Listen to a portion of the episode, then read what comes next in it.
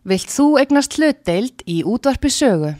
Sendu tölvupóst á hlutabref at útvarpsaga.is eða ringdu í síma 533 3943. Útvarp saga, útvarp allra landsmanna.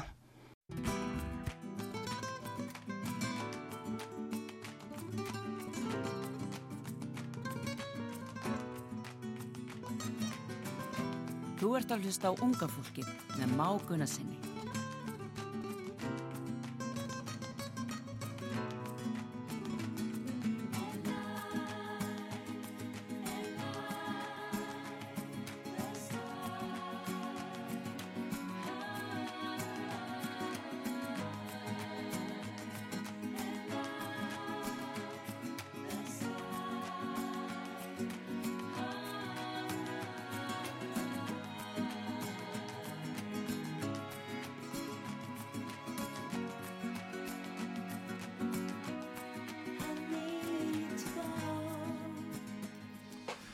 Já, komiði hjartanlega marg sæl og blessuð góður hlustundur átruppisögu. Ég heiti Már Gunnarsson og þú ert að hlusta á unga fólkið.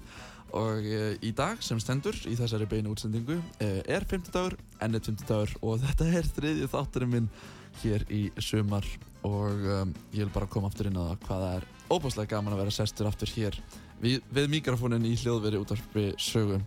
En uh, til mín er komin góður gestur í dag og við ætlum að tala um ímislegt. Við ætlum að tala um tónlist, við ætlum að tala um Vestmanæga gósið sem að varð fyrir, uh, hvað, eitthvað tíman í fyrra? Nei, það er ekki alveg fyrra, það eru Það er mjög stutt síðan, það er 50 ár síðan. það eru mitt hálf öld síðan. Við ætlum að einmitt tala um tónlist og öruglega alls konar annað óundibúið sem að ég er mjög spenntur að, að hérna, koma inn á. En við verðum með okkur hér í dag frá klokkan 2 til 3.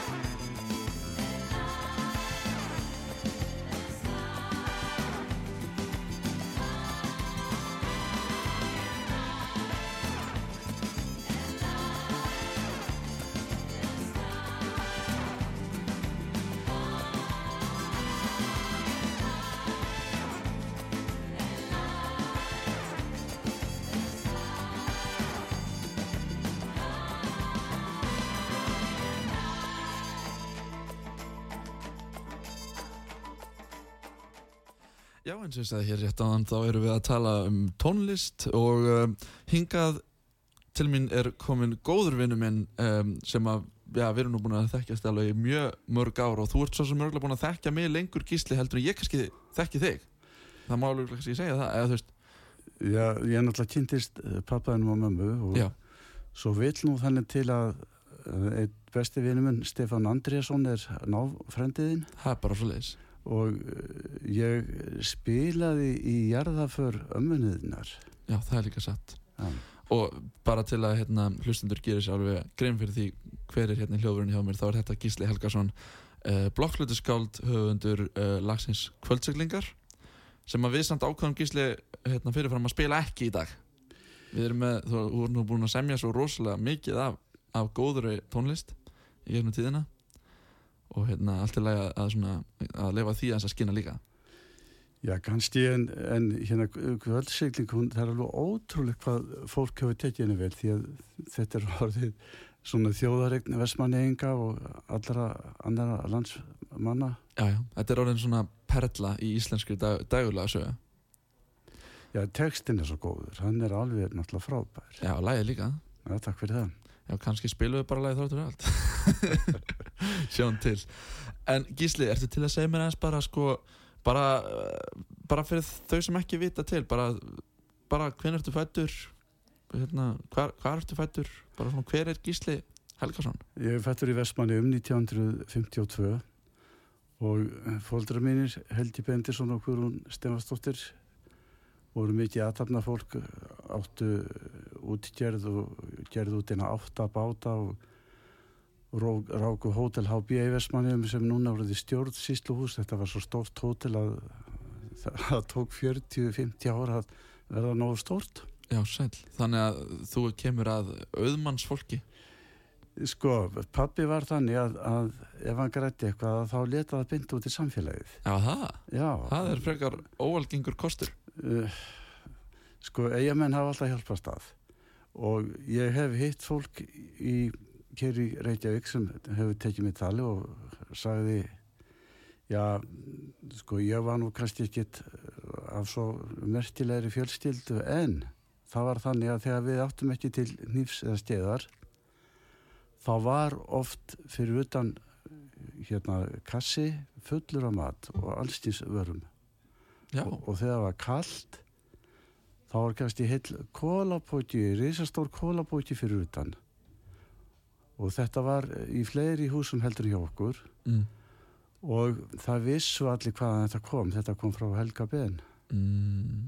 Þannig að hann var alltaf svona Var þetta að segja vendari?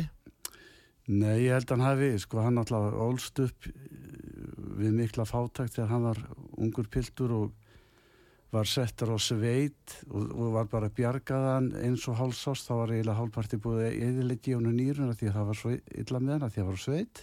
Hann Ok. misti mömmu sína hálsás en svo upp hjá alveg fyrirtagsgóðu fólki Já. á Húsavík. En þú ert nú ekki, hérna, þú komst nú ekkert einn í heiminn Þannig að þú fættist Nei, móður okkar átti uh, tvíbora mig og Artur Já. og hérna, mamma var uh, náttúrulega alveg einstök mannestja hún uh, náttúrulega bar okkur tvo undir belti og Það hefur örugglega verið mikil heyrðu, hún var tæpla 44 fjör ára þegar við fættumst og það þó- þótti alltaf merkilegt að, að hérna í eitt bróði minn eignaðist uh, strák tveimur hérna mánuðum á undan henni og svo liðið þrýri eða fjóri mánuðir og þá eignaðist annar bróði minn stelpu þannig að þetta þótti nú ekki nógu gott að mamma væri ólétt og hinnar og, og tindardætturinnar En eh, sko, eitt bróður mér sagði frá því að, að einhvern tíma var mamma að stöðlast upp stigan heima í eigum og hann segir við hana Mamma, ef þú væri ekki orðin svona gömul þá myndi ég halda að það væri rólitt. hvað var hún gömul þá? Það voru tæflega 44. Og, og, og, þá var það sem hún var óleitt af ykkur eða ekki? Jú, jú. Já, pældi því Og, og við vorum samtals 20 mörgur. Já, ég veit ekkert hvað það þýr Ein mörg er 250 grömm, við vorum tæflega 5 kíló báðir saman. Já, ok Bara smá kvíkindi. En það er nú öruglega heilmikil breyting frá lífinu í Vestmanni var 1952 og 2023 Það er náttúrulega, þetta er bara allt annað samfélag og, og mér fannst samfélagi breytast mjög mikið eftir gósið. Já, Það var náttúrulega, var bara gjör ólíkt. kannski komum hans inn á það hérna setna í þættinum, uh, gósið og hérna aðdraðandir af því og, og einmitt um, En sko núna ert þú uh, blindur, uh, lögblindur og ert nú með einhverja týru sem betur fer en, en, en lögblindur sann sem aður og Arthur líka Janni, hann sér ekkert. hann sér ekkert, hann er alblindur já, ok og hefur það alltaf verið svoleiðis, var það frá fæðingu eða, eða var þetta eitthvað sem að ágerðist með árunum Sko, þetta gerðist við eh, fæðingu. Uh, Móður okkar var fyrir miklu álægi á meðan hún gekk með okkur og, ok, og eða það var eitthvað sem gerðist. Þannig að við fættumst báðir verulega er, sjónstjerstur. er það sanna, eh, var sínt fram á það að eitthvað álag hafi orðið til þess að Já, ég held að við ættum ekki að vera að fara út í það. Sko. Það var hérna politist og sko politíkinni þá það var aldjör viðbjóður. Æ, við, við skulum ekki vera að fara nána út í það. en það er samt ótrúlega leðalt að heyra að, að, að þetta skulle hafa gæst og vonandi eitthvað sem að uh, mögulega einhverjir hafa þá lært, lært á en um, hvernig ég meina núna er náttúrulega teknin allt öðru sig í dag heldur en hún var hvernig fannst þér svona að alast upp sem blindur krakki í Vestmannum á, á miðrin hérna, hvað 20. öld Um, mér fannst það bæði gott og ekki gott. Ok. Uh, ég man sérstaklega eftir því að menn voru alltaf að láta mig þekkja sig skilja á röddu með ykkur. já, það er svo sem ennþá í dag ég, ég lendi sjálfur í því Þú lendir í því og, Já, já. og uh, það náttúrulega hjálpaði ekki að ég var með óskaplega mikla dellu og þekkti hljóðið í öllum bílunum ég um, vissi hver átti það og, og allt svoleiðis. hvað voru margir bílar í Vestmannum árið 1950 52 Já. eða 56, 7, ég bara hef ekki talið á búin að að þetta skiptir þetta engum máli. En svo hérna ég var alltaf svona dálítill einfari en átti svona nok- nokkra fá og góða vini og svona minningarnar úr eigum eru frekar góðar. Það er alltaf sólstinn þegar ég man eftir ykkur Úf, ekki þekki ég vestmanni á þannig. Nei, nei, en, allt í lagi en, en ég meina stundum blést alltaf harkalega eins og til dæmis 1962 þá gerði alveg brjála veður í, í hérna júli og ég var að koma úr blokklutu tíma hjá Oddgeri Kristjánsinni Já, og það var svo klikkað veðrið að ég lappaði niður náttúrulega brekku niður hefðin og ég bara laðist á maðan og skreið þeim og ríkjalt mér í eitthvað sem ég gæti held ég held að segja bara fótið og hafa út. Pældi því. En uh, það sem ég er svona næst að velta fyrir mig sko, núna náttúrulega að, um, þú notar ekki hérna, kvítastafin í dag. Einstakar sinn nota ég hann. Einstaka sinnum, já, já. En, en sko, hann var vissulega held ég til á þessum tíma en þá var kannski ekki eitthvað til til að hvað, kenna beitunum eða þú veist, ég minna var þessi um, opna umræða á sínum tíma með mikilvæg þess að, blindur væru að nota kvítastafinn og nota punktaletrið og allt þetta?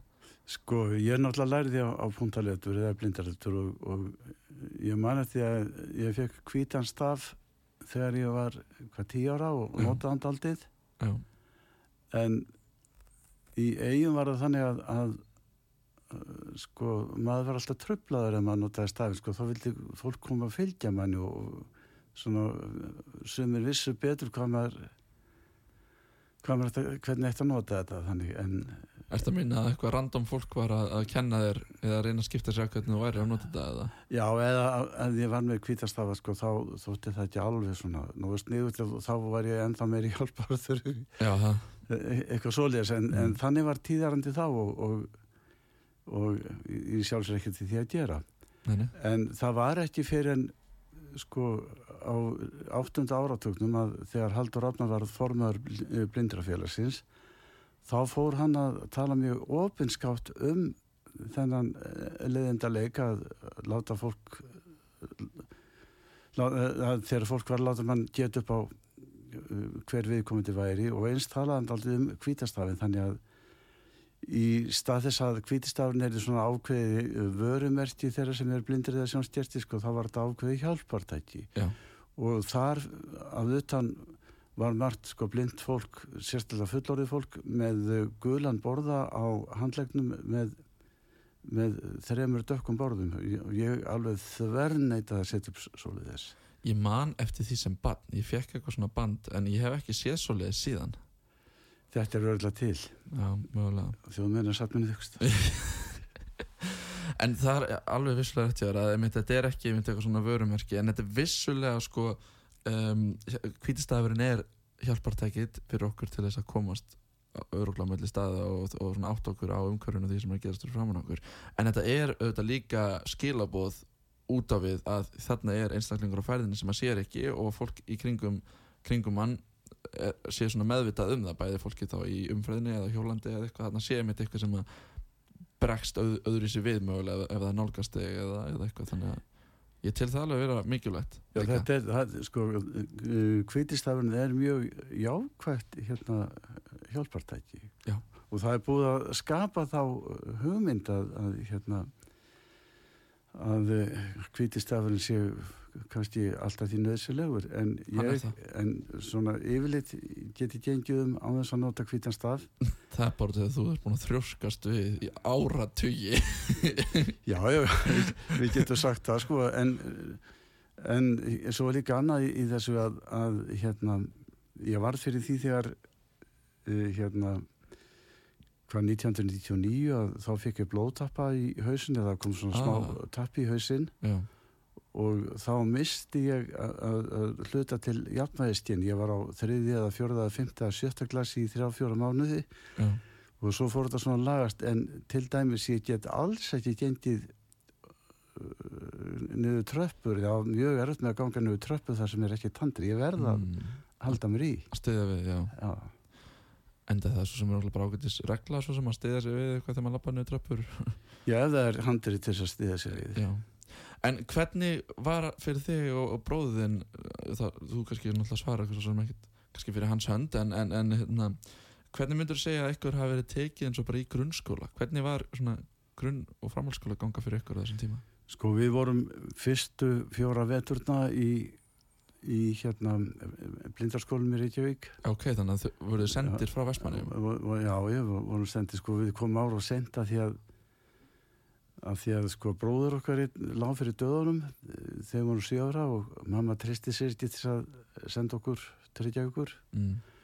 og svo deyr hann í í ágúst 1960 og Æja, þá, þá var náttúrulega ekkert undanfæri að, að við færum til Reykjavíkur. úr hverju var það ef má spyrja? Það var krabba minn í halsi.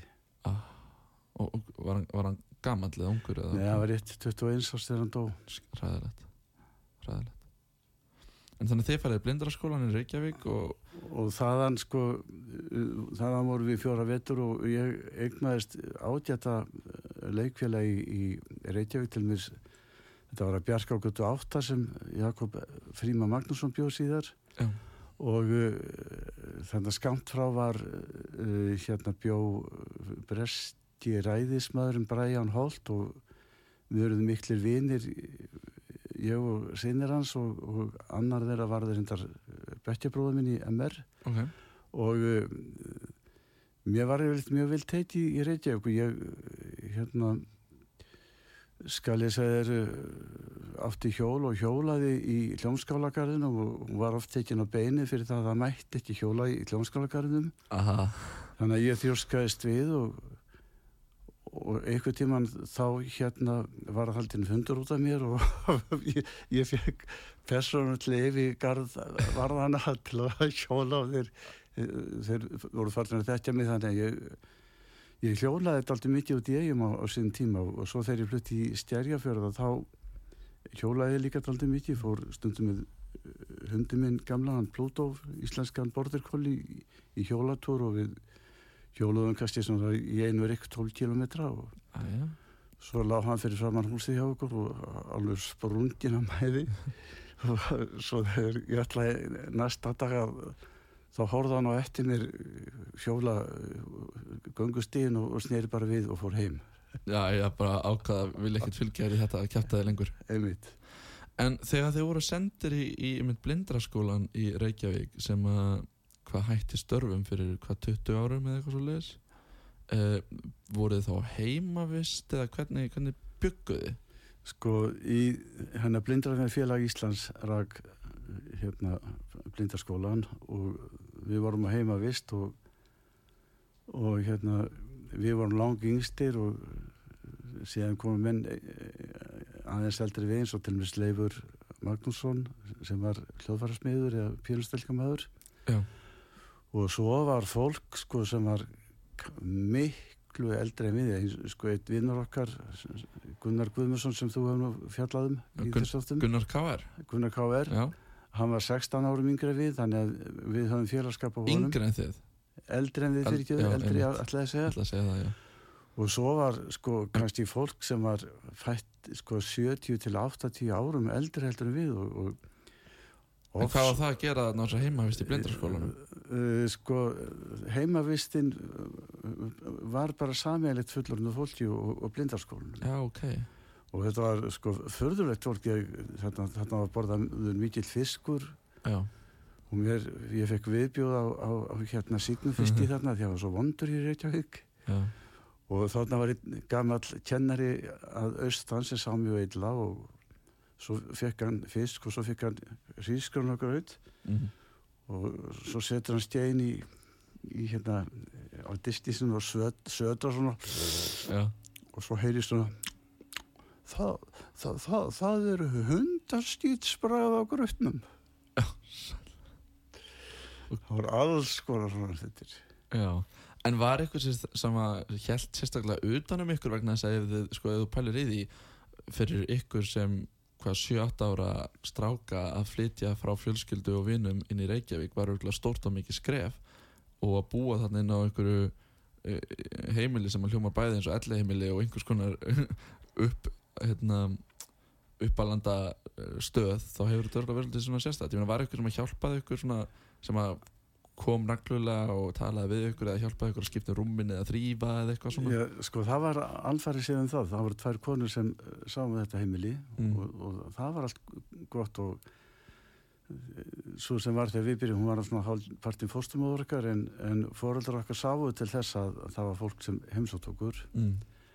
en eh, ég verða að játa það að, að hérna, ég, við fórum alltaf heima á sumurinn og mér fannst ég mér fannst að ræturnar í Vestmannheim slittnat aldrei mikið, ég náði Já, aldrei sama sambandi við krakkan á áður. Mm. þannig að þetta var Fórst ekki eins og heim um jól? Jú, ég fór heim í jól og, og fór heim í jól og, um, og, og hérna ég man ekki hvernig það var um páska hvort við fórum heim um páska, jú líklega en, en uh, síðan sko vorum við heim á sumurinn og uh, svona leikfélagarnir þeir svona glötu, glötuðust. En hvernig var ferðalagi sem til Vestmanni á þessum tíma? Ég meina, flugstu eða fóruð þið með hvernig þið tókuð þið? Hestvagn frá Reykjavík frá vendu í, í hérna að bakka fjöru eða, nei það var ekkert Nei, það var ekki hestakt við, við, flugum frá hérna Reykjavíkurflugulli í, í gömlu DC DC3 er það ekki, Douglas DC3 Já, í gömlu þristónum og það var oft daldið skröldlegt Aha, ég get jöfnvelgat maður orðið flögu okkur áttu borð en það, hvernig, var þessi upplifun? Ég meina það er náttúrulega allt öðru sem að út í dag sko, vélinn sko, ég held að hún fljú ekki hærra en sko 300-400 metra lofthæð. Já, já, hún fer nú aðeins ærið það. Hún fer, jú, jú, hún fer alveg upp í 3000 metra. Það fjó- er, 4000 metra. Eh, hérna þristur gamli?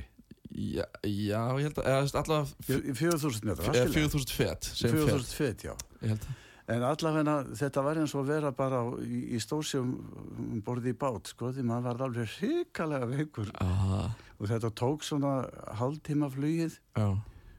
Og ef maður vissi að veðurspáin var vond, sko, þá kveið maður alveg ábústlega fyrir og, og svo náttúrulega kemur Herjólfur 1959 einmar rétt og, og þá var selt frá Reykjavík til, til Vestmanni og þetta var oft 8 til 12 tíma ferð, fór allt eftir veðri. Já, og hvort vildur þú frekar fljúa eða sigla?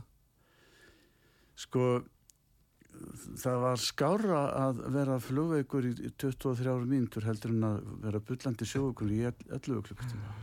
Hvort var ódýrara? Ég meina, hvernig var hana, verðin á þessu sínum tíma?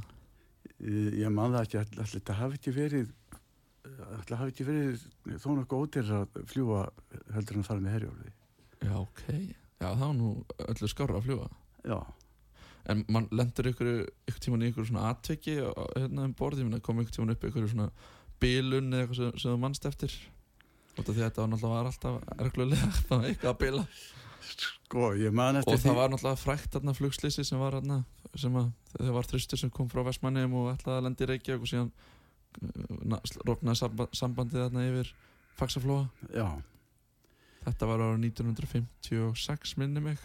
Eða Já, 62, eh, ég man það ekki. Eða ég 58 ekki en, en það fóst þristur í kringu 1949-50 Það var í, í í, nei, og, og líka frá eigum Já það, Já, allir sett ég að blanda þið saman. Jú mögulega, En ég þór ekki að þræta við Ég er Nei. ekki Sko, ég man eftir því að, að hérna, 1973 þrjú í góðsunu þá fórum við til Vestmanni ég, Arþór og vinnrokkar Mm. tæktum var Hrall Baldursson til að sapna efni í barnatíma fyrir útvarpið og eh, það var hrikalega kalt og alveg brjálað veður þannig að þannig að uh, við fengum ekki hvað jörðum bara setja uppi alla nóttina og svo vorum við í eigum sem var nú frækt að endum þegar við gerum þennan þátt. En svo þegar við fórum tilbaka að, að þá var eitthvað að bílum á þelfærinu til Reykjavíkur, hvort þrjið að fjórir og það hlóð svo mikil ísing á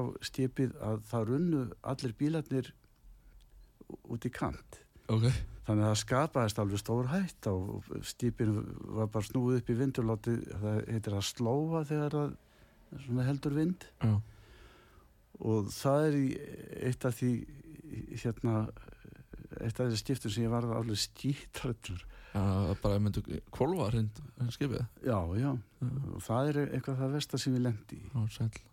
Og þetta hefur alveg tekið svolítið tíma líka einmitt þessi, þessi ferð? Þessi tími við heldum um verið sko 12 tíma frá eigum til Reykjavíkur og annað eins sko frá Reykjavík til eiga Shit. Og þegar við komum til eiga þá var uh, hérna 16 steg frost og 11 stig að norðri. og, og snjóf og, og, og hérna öskufjúk. Wow.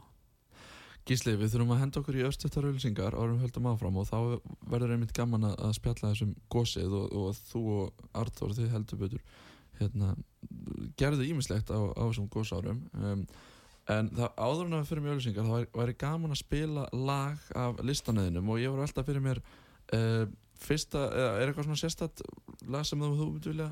Sko ég myndi leggja til lag sem heitir Sumaróður eftir Arthur Já, og það er svona típist um það uh, hvernig við tveir það saman. Hann var með farfísárgjöl og ég blokklutur og þetta var tekið upp í ríkisúttarpunni í februar 1971 þetta er orðið það gamalt sko. Þannig að þetta er sumaróður eftir Arþór og er þetta bara hljóðfæralegur? þetta, þetta er hljófarleikur Sumaróður og þetta er Gísli og Arþór Helga sinir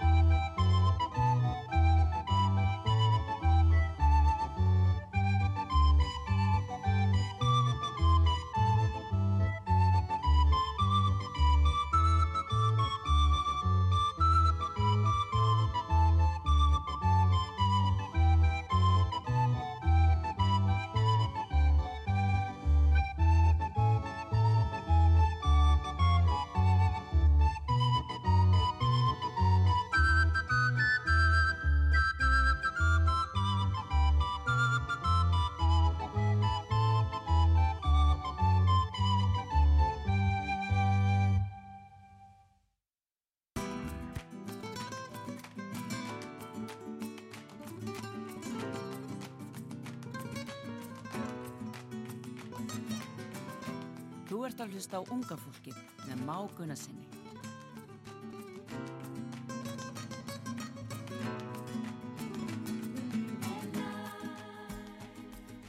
Já, komið sæl aftur eftir þetta örstutta auðlýsingarlíða við heyrðum hér rétt áðan um, lagið Sumaróður og þetta var flutt með þeim um, Gísla og uh, Arþóri uh, frá Vestmannum og Gísli Helgason er einmitt hér hjá mér í dag og Gísli vorum að tala um uh, ykkar svona æskár eða svona þín æskár aðala í Vestmannum um, en ég er svolítið forvitin um þetta gós það sem að það er náttúrulega orðin dóldur svona hálgjörð þjóðsaga, má segja.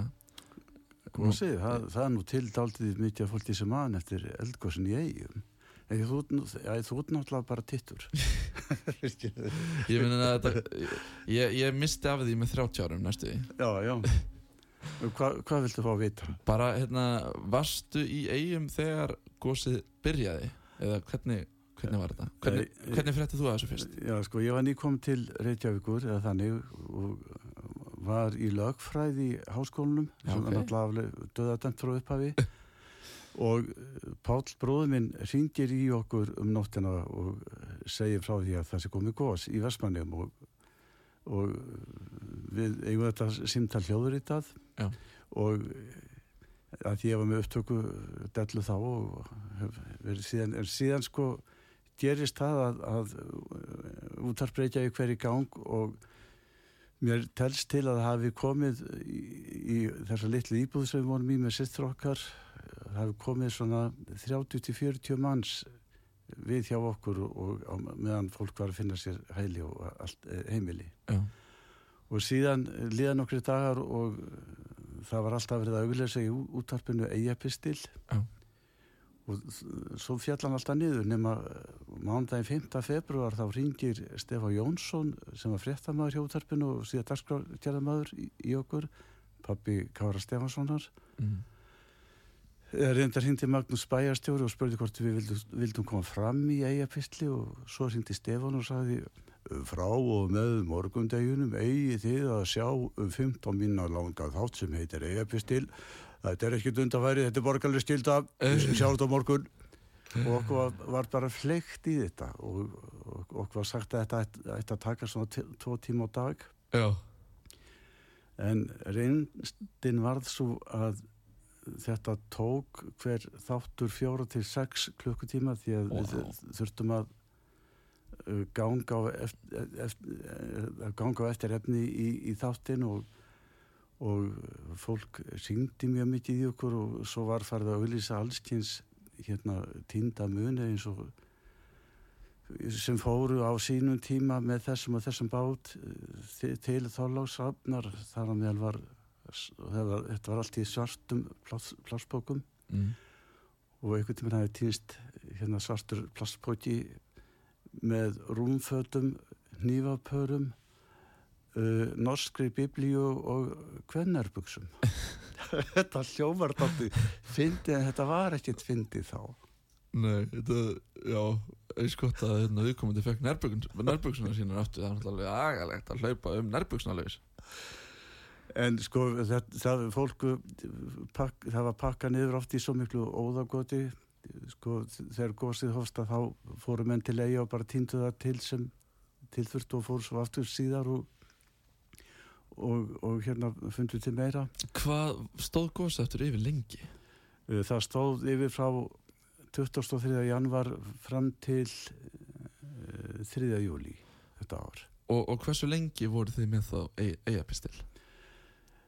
Býtum við þessir eigapistlar voru fyrst á hverjum einasta degi Já. og svo frí í dag frá því í júni til oktober já, Já.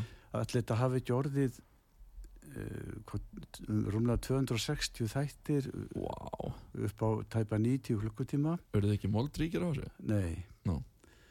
og uh, síðasti þátturinn var fluttur sko sjön, nei, 25. mars 1974 Og þetta var svolítið kannski svona því, þitt upphaf í útvarsmennsku á Íslandi? það má segja það Já. ég hafi eiginlega fundið mína hillu í gósinu Já. en það þurfti að gjósa til þess Heldur betur. Uh, en hvaðan gerðu þetta? Fóruð þið yfirleitt til eiga til þess að senda út þessar útsendingar eða safna efni eða gerðu þetta til svona bæði í, í Vestmannum og í Reykjavík eða hvernig? sko við vorum aðalega Reykjavík Já.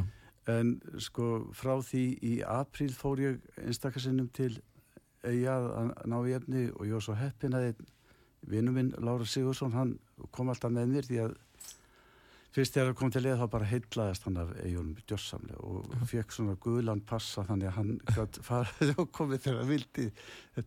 Og, og hérna við söfnum oft efni í eigum og svo sendum við út þá voru þá bara sex símalínum til eiga þannig við þurftum að rjúfa eina símalínuna og, og senda bynd af segurbandi suður með svona símasandi Mm.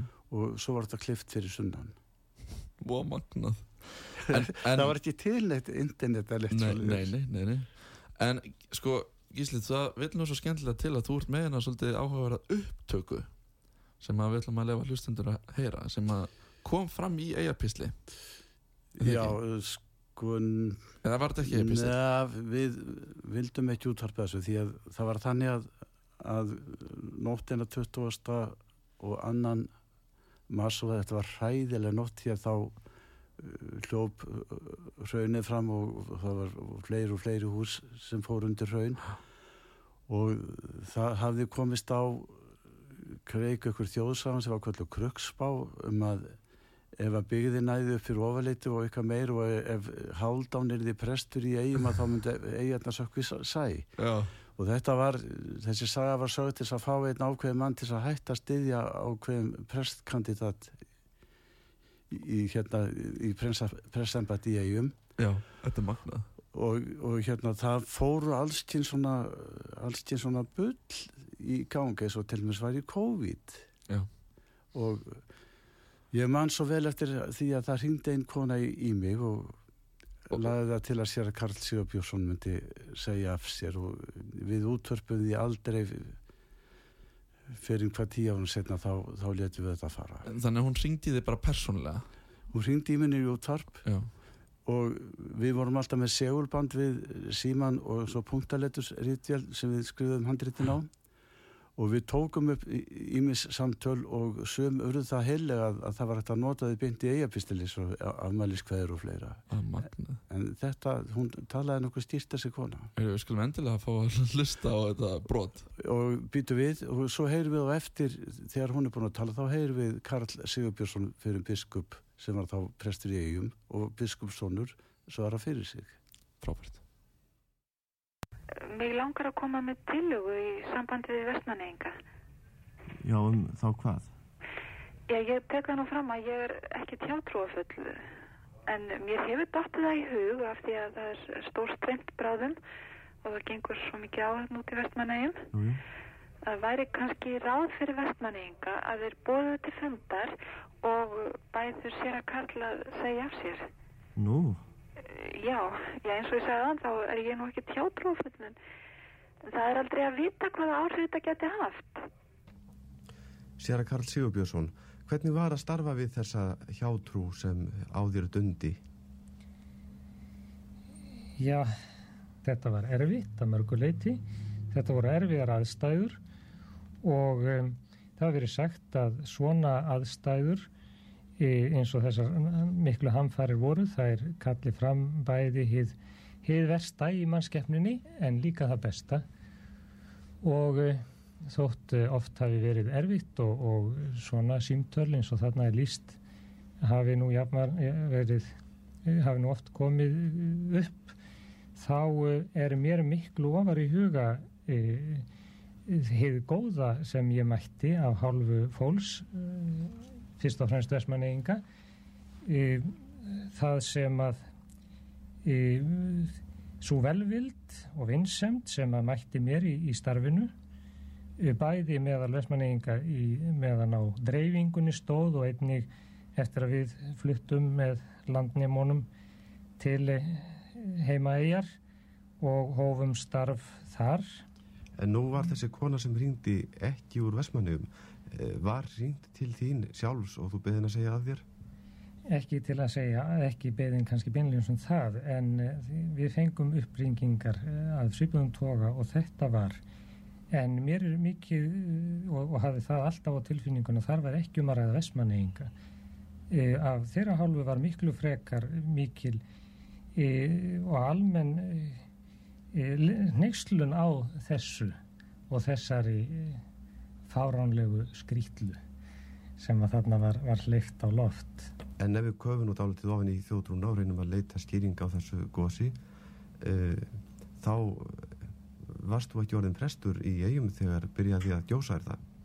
Nei, þá var ég nú í, í prófi í Guðfræðild Háskólans og hafi hvergi komið nærri Vestmannegjum en um, að vísu hafi ég svona rentu hugað ángað því að ég hafi fengið bref og, og óskir frá ymsu fólki þar um að, um að ég tæki setningu þangað en það vantaði þar e, í prest í embætti það sem að varð löst þegar sér að Jóhann Hlíðar fór frá eigum sömarið áður En hvert var síðan megin hlutverk ykkar sér að Þorsteins á meðan á þessum ósköpnum stóð? Já, við gengdum uh, venjulegri presthjónustu meðal safnaðar uh, vestmanneyinga uh, og heldum upp í safnaðastarfi í, í dreifingunni. Guðsjónustur voru haldnar á þar sem fólki var flest og nú auk þess fermingar, undirbúningur og ímislegt annað. Nú við gengdum, hafðum talsvert að gera sem, sem tengiliðir við hjálpast, hjálpastofnuna kirkjunar og, og heimil og einstaklinga vestmanneinga. Þar var annað verkfæri sem að okkur var lagt til sem að, sem að ekki tilherir venjulegu presskap yfirleitt og það var eiga pistil. Var, þar var okkur bóðið upp á pretikunarstól ef maður segja eða, eða, eða, eða bænar eh, stað sem að e, til að flytja Guðsorð á og þar voru klukkur landakirkju sem hljómiðu og ég held að, að þær stundir hafi reynst mörgum dýrumættar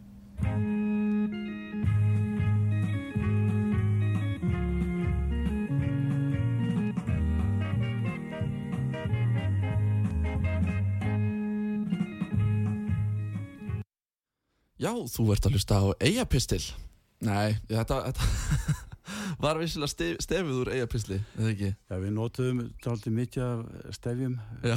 og þá eitthvað tengt versmanniðum Já, en hann má eiga það, hann, hann fyrirvendir biskup, hann svaraði vel fyrir sig. Já, þetta var ekki létt fyrir hann að, að, að svara þessu og kannski ámar ekki vera að, að muna svona hluti en, auðvitað á muna svona hluti. en sko málið er að, að við áttum yfirleitt mjög góð samstifti mm -hmm.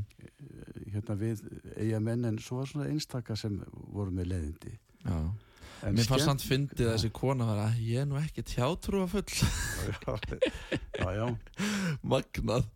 Magnað, en, en takk fyrir að deila þessar upptöku með okkur gísli. Við, hérna, Ég kannar með það og ég er vissum að hlustendur kunna með það líka Um, en nú hérna, höfum, við verið að spjalla um þetta gós og það er nú ekki ástæðu lausu þú ert að fara og spila á gósloka háttíð sem er núna bara, hvað er næstu viku eða? Hún byrjar 3. júli og það eru tveir atbyrði sem ég eh, tek þátt í það er annars vegar í eldheimum miðugutæðin 5. júli þá verðum við ég og Herdís kona mín og, og Uh, Magnús R. Einarsson Hafsteit Guðfinnsson og, og fleiri og fleiri með tónleika með eigapistils í Vafi Já.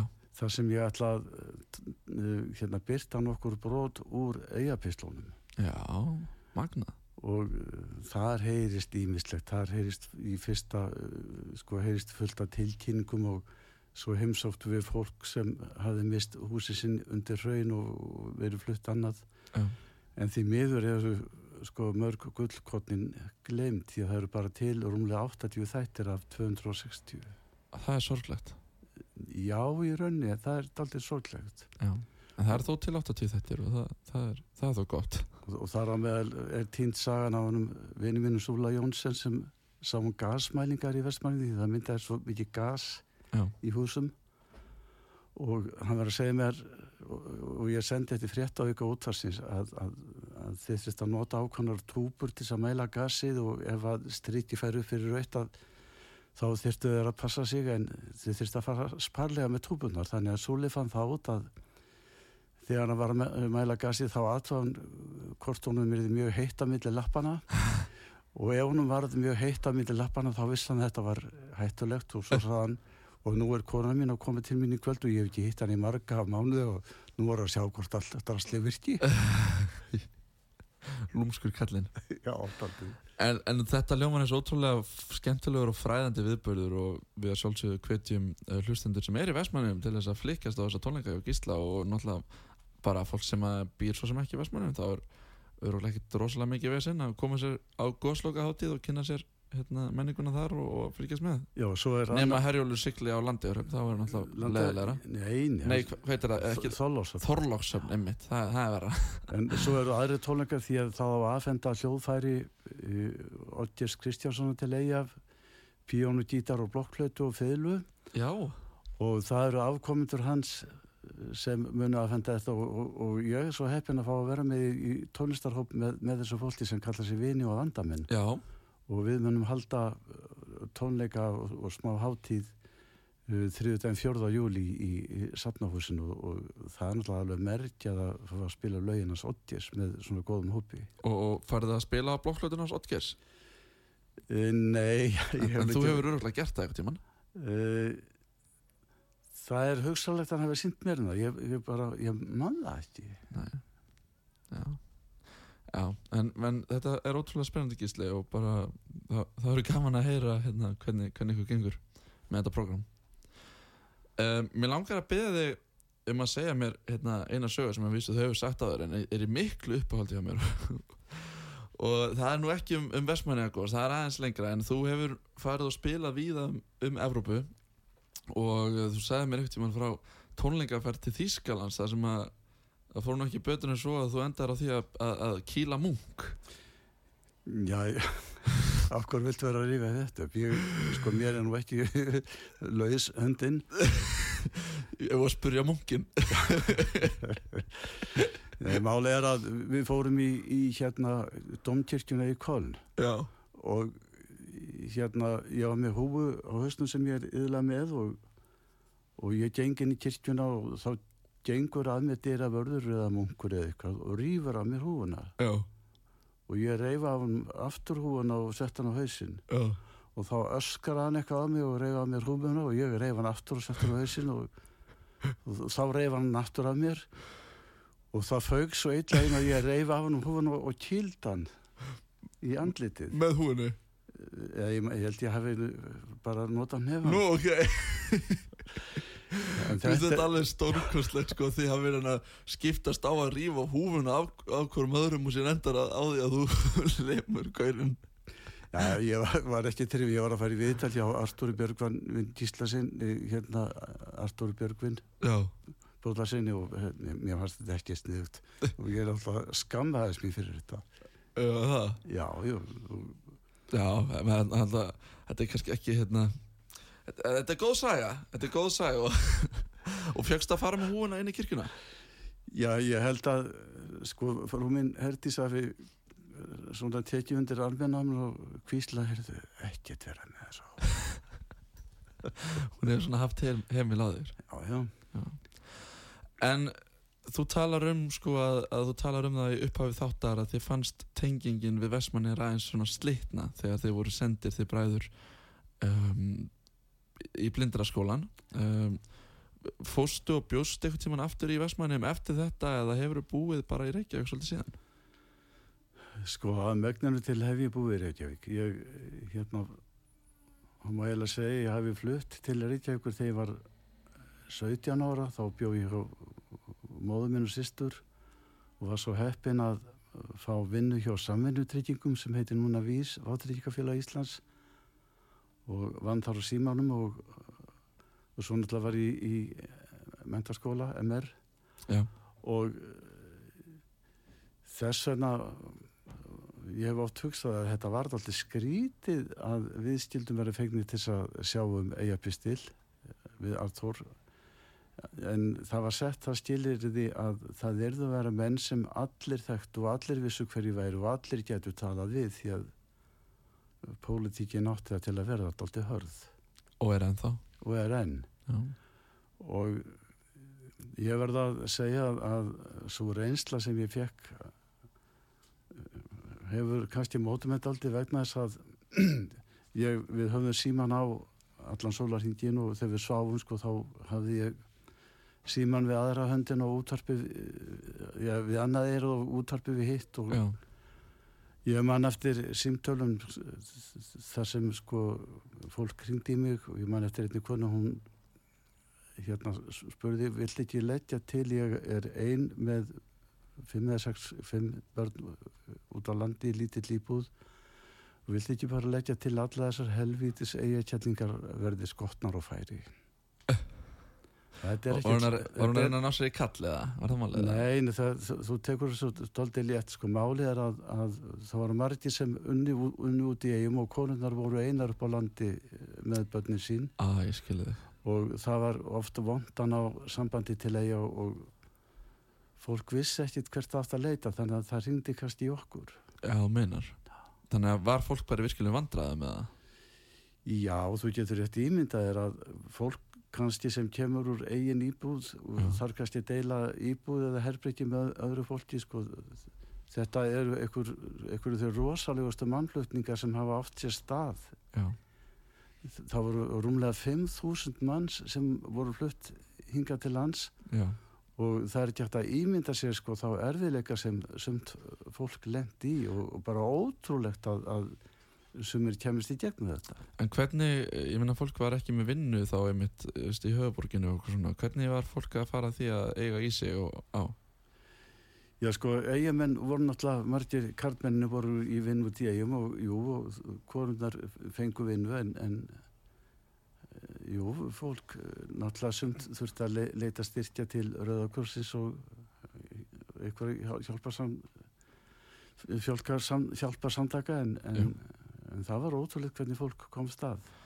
En það merkir þetta og nefnir mitt að það eru 5.000 mann sem fóru frá Vestmannum og ef mér skilst uh, rétt þá hefur, hafa Vestmannir ekki beðið bætur síðan eða það hefur held ég ekki náðst upp sami íbúðafjöldi og fyrir gósið.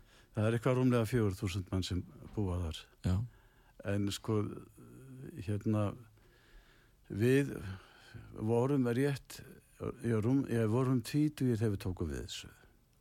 Og það var eins og, sko, maður væri svona haldjar bara að ruslatuna fyrir eh, tilfinninga fólks.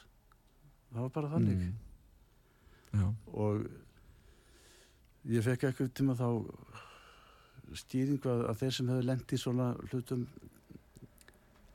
þeir eiginlega byggðu þess aldrei bætur því að maður er alltaf á varbergi og ég man ég eitt stifti sem ég slefti mér þá var hringt í mig eina nótt og einhver hafi heyrt það í, í gegnum talstöð að þetta brjótast inn á heimili fóreldra minna og, og tæma húsið þess að bjarga munum já, og það var í eina skipti sem ég hringdi í Magnús Bæjarstjóra og það var í eina skipti sem fauk í það fauk í að við mig. Annars eh, var Magnús alveg einstakur maður og veitu hvað sagður við Magnús? Ég man ekki hvað ég sagði. Ég sagði að nú er komið að ég að fara að brjótast inn í húsið okkar á heiðveginum og, fara að taka þar muni og, og náttúrulega bræður mínur er út í eigum að vera ekki næra að hafa samband við þá fyrst. Einmitt. og ég man alltaf hverju Magnús svaraði, hann sagði gíslifin, ég hefði aldrei trúað því upp á því að þú færðu að æsaði út af þessu. Já, og ég skammaðist mér því að það var svo margt sem dundi á Magnúsi og, og, og hann held alltaf hugarósinni já, og það er náttúrulega einstakt hvernig hann hér- hérna var, hann Magnús af öllum ólustöðum Það hefur örgulega verið mikil áskorun að vera bæjastjóri í Vestmannum á þessum tíma.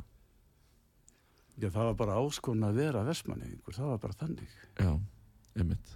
Hvað þá Vestmanni yngur og bæjastjóri? Já, get, það er náttúrulega daldið til því hjá þér. Já. En í dag, hversu oft ferðu til Vestmanni?